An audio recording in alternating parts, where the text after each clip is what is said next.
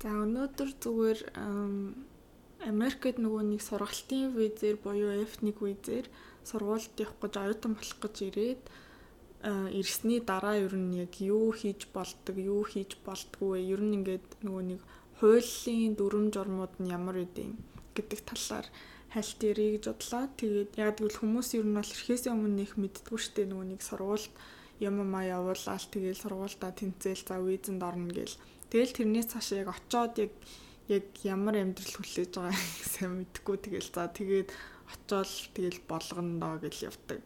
Би ч гэсэн тэгэл ирчихсэн. Тийм болохоор а яг нөгөө нэг хуулиар заасан дүрм журмууд нь юу юу байдаг вэ хүмүүс тэр болохоо мэдгүй гэж магадгүй гэж бодоод тэгээ энэ болохоор нөгөө нэг хараар ажилтдаг эсвэл нөгөө хууль бусаар ажилтдаг ч юм уу тиймэрхүү юмнууд мэдээж зөндөө байдаг.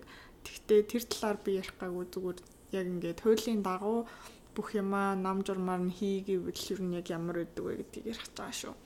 Тэгээ угаасаа хууль бос масаар яасан юмнуудыг өөр хүмүүс зөндөө ирсэн байдаг болохоор аа за тэгээд ингэдэг F1 quiz quiz гэдэг quiz нь болохоор нөгөө аюутнуудад өгдөг quiz гэхгүй юу. Тэгээд за Америкт сургуультай материал явуулчлаа. Сургуультай тэнцээд ирэхээр болчлоо. Тэгээд quiz-эндээ ороод үрээд ирлээ. За тэгээ ирсний дараа нөгөө нэг ажил мажил хийгээд сургалтын төлбөрөө төлмөр энэ төр хүмүүс ирдэ штеп. Тэгэхээр яадаг вэ гэхээр аа ер нь бол юу яадаг ажил хийж болох ганцхан л сонголт өгдөг. Тэр нь болохоор сургууль дээрээ, кампус дээрээ ажиллах. Тэр нь юу гэсэн үг вэ гэхээр аа кампусаас өөр газар ажиллаж ерөөсөө болохгүй гэсэн үг. Чамайг ажилуулж, чамд цалин өгөх боломжтой ганцхан газар бол танаас сургуул Аа тэгээ тэр нь трийгээ хийхдээ бас юу яана. 7 хоногт 20 цагаас илүү гаргаж ажиллаж болохгүй.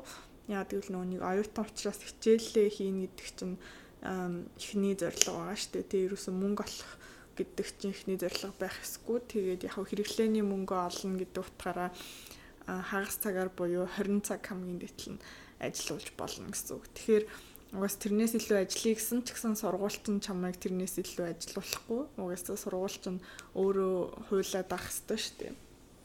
Тэгээ тийм байдаг хгүй. Тэгэхээр нөгөө нэг бусад улсуудад байдаг шиг ингээд юу яадаг чинь тий кофе шопт ажиллана, эсвэл хоолны газар зөөх чинь ч юм уу тиймэрхүү сонголтууд нэх байдаггүй. Тэгээ сургууль дээр чинь ямар ажил байна? Ямар ажил оюутнуудаа ажилд авд юм бэ? Тэрнээс хамаарат тэнд байгаа ажлыг хийн гэсэн үг. Тэгээд жишээ нь гэх юм бол манай сургуульд ингээд янз бүрийн зөндөө олон ажлын байрууд байдаг оюутнууд зориулсан. Тэгээд тэндээс л хамгийн орох амархан олдттой ажил нь болохоор сургуулийн хоолны газар нөгөө нэг цэвэрлэгээ хийдэг аягуу гадаг ч юм уу эсвэл нөгөө нэг хоол тавгалж өгдөг серверийн ажлууд байдаг. За үгүй гэх юм бол цэвэрлэгээний ажлууд өглөө хичээлүүд эхлэхээс өмнө ингээд анги танхим офисуудыг цэвэрлэдэг ажил гэж байна. Эсвэл бол гадаа нөгөө нэг өвс тэгшилж мэгшилдэг тиймэрхүү ажлууд хийж байна гэж байна. А за тэрнээс гадна болохоор оюутны холбоо холбоо ч юм уу тийм ингээд тийм оюутны амьдралтай холбоотой тийм ажлын байрууд бас байна. Одоо ингээд клубуудыг хариуцдаг координатор ч юм уу тийм эсвэл ингээд оюутны холбоонд янз бүрийн олон ажлын байрууд байдаг. Тэднэр рүү орж болно. Аа тэрнээс гадна бас юу яаж болно? Сургуулиуд дээр ингээд зөндөө олон офисууд байгаа дээ. Янз бүрийн одоо маркетингийн офис, хүний нөөцийн офис гэдэг ч юм уу. Тэгээд financial aid буюу санхүүгийн тусламж үзүүлдэг офис гэдэг ч юм уу зөндөө олон тийм нөгөө нэг офисын ажлын байрууд байгаа. Тэнд дандаа оюутнуудыг тийм туслах гэдэг юугаар ажилд авдаг ассистент гэдэг юм уу. Тэр нь тэгэл нөгөө бичиг цаасны ажил хийдэг гэсэн үг шүү дээ. Юмнууд одоо копид нь, имэйлэнд хариулна, утсанд хариулна гэдэг ч юм уу. Нэг тиймэрхүү ингээд наад захын ажлуудыг хариуцдаг. Тим ажлууд байдаг. За ер нь бол тиймэрхүү ажлуудаас тэгээд сургууль дээр ирснийхаа дараа ингээд судалж аваад ажилд орох боломжтой байдаг. Тэгээд 20 цаг бол ажиллаж болно гэсэн үг. Тэгээд 20 цаг ажиллахдаа цалин нь ямар гэдэг вэ гэхээр хөвчлэн энд болохоор дандаа цагаар нь цалингаа боддог. Тэгээд нэг цагийн тэд гэж хэлчихдэг гэсэн үг. Тэгээд ихэнх сургуулиуд бол тийм оюутнуудыг ажилд авч байгаа ажлууд бол цалингийн доод хэмжээгээр явдаг байх гэж бодож байна. Манай сургууль бас тэгдэг гэсэн. Цалингийн доод хэмжээ. Тэгэхдээ Америкт болохоор нөгөө цалингийн доод хэмжээ гэдэг чинь бүх газар адилхан биш. Аа хаана ямар мужид амьдарч байгаасаа тэр мужийнхаа хуулиас хамаарат өөр өөр өгдөг гэсэн үг. Тэгэхээр зарим муж ингээд арай өндөр цалингийн доод хэмжээтэй, зарим нь арай бага гэд янз бүр байдаг. Тэгээд яг өндөр цалингийн доод хэмжээтэй мужууд бас трийгээ дагаад юу яадаг. Амьдралын өртгөө нэрээ өндөр ч юм уу бас тиймэрхүү ингээд янз бүр юмнууд байгаа.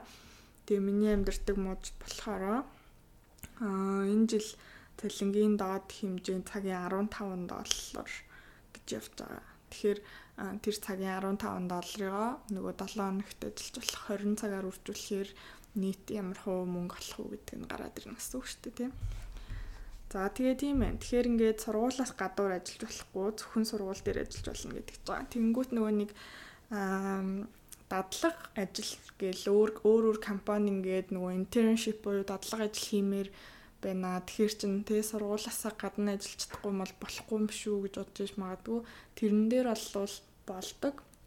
Аа ягаад вэ гэхээр нөгөө нэг сургуулаасаа зөвшөөрөл авдаг авч болдог хгүй юу. Тэр нь болохоор би ингээд мэрэгчлэлтэйгээ холбоотой ийм компанид ийм ажил хийх гэж байна. Дадлага ажил хийж явна. Тэгээд энээсээ ингээд кредит авна гэдэг юм бол сургуульч окей гэж зөвшөөрөх хэвээр. Тэгээд дадлага ажил болвол хийж болно. Гэхдээ миний байгаагаар тэрнийг 2 дугаар курсээс хоошоо тэрийг хийж болдог хаа. 1 дугаар курс дээр хийж болдгоо гэж магадгүй. Тиймэрхүү байдаг шиг байна.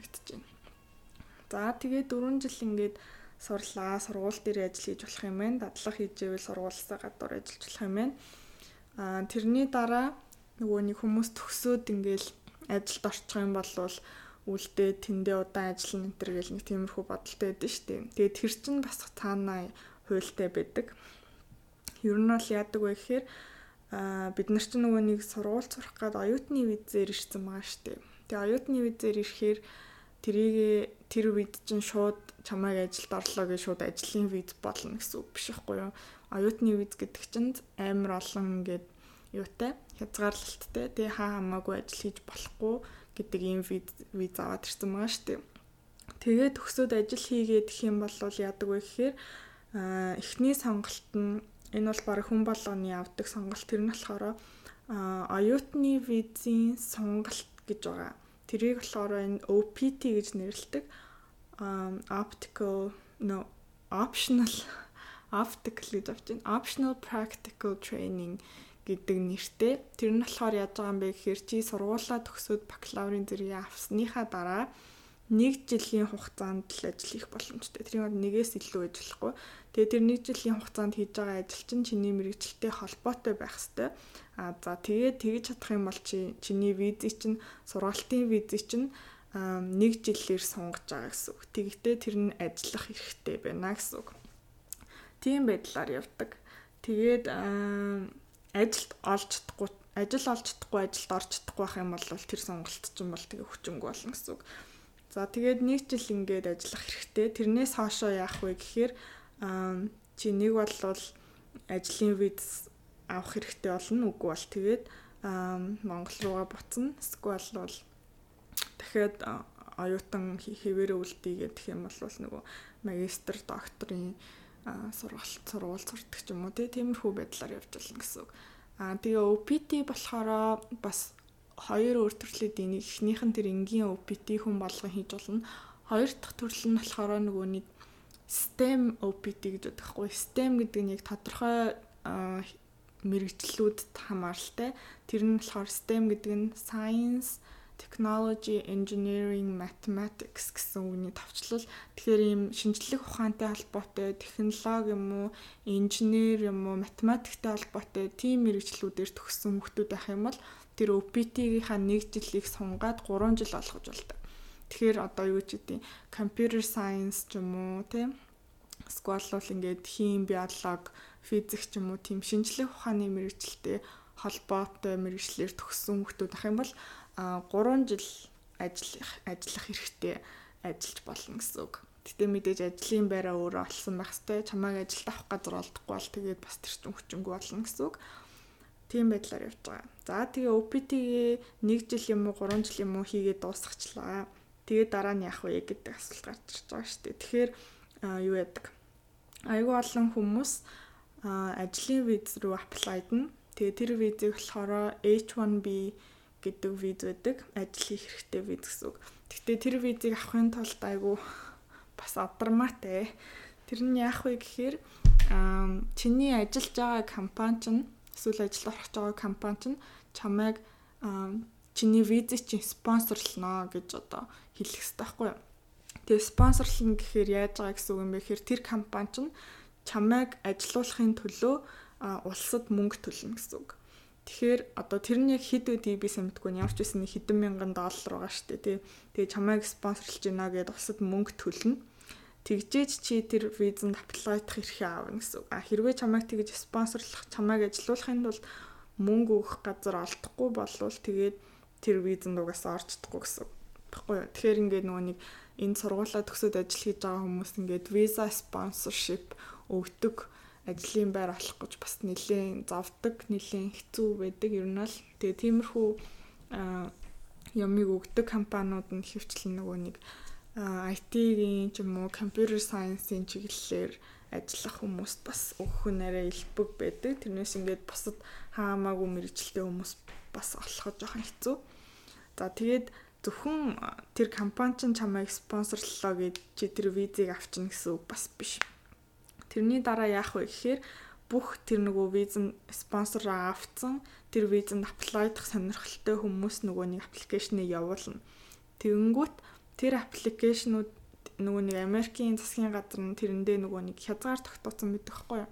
Тэгээ жилд жилд одоо 60 мянга ч юм уу 70 мянга ч юм уу тэрний тоог нь яг мэдгүй бид нэр тэдэн мянган хүмүүст л энэ H1B гэдэг визаг өгнө гэд хязгаар тавьсан байдаг. Тэнгүүт нөгөө нэг аплайдж байгаа хүмүүс нь тэр хязгаараасаа даваа гараа явчихна шүү дээ угаасаа. Тэнгүүт чинь яг хинний хин гэж виза өгөх юм гэдэг нь жоохон асуудалтай болж ирж байгаа. Тэгэхээр эдгээр яаж шийддэг вэ гэхээр трийгээ нөгөө нэг суглааны систем болгоцсон. Тэгэхээр та ингээд компани ч таныг спонсорлоо гэд та ингээд аппликейшн өглөө би энэ виз авмаар байна гэх хүсэлт гаргалаа. Тэгээд тэрнээс цаашаа та суглаанд орно Тэгээ тэр суглаанаас нэр чинь гарч ирж татагд чадах юм бол визийг авах боломжтой чадахгүй бол тэгээд авахгүй гэсэн үг.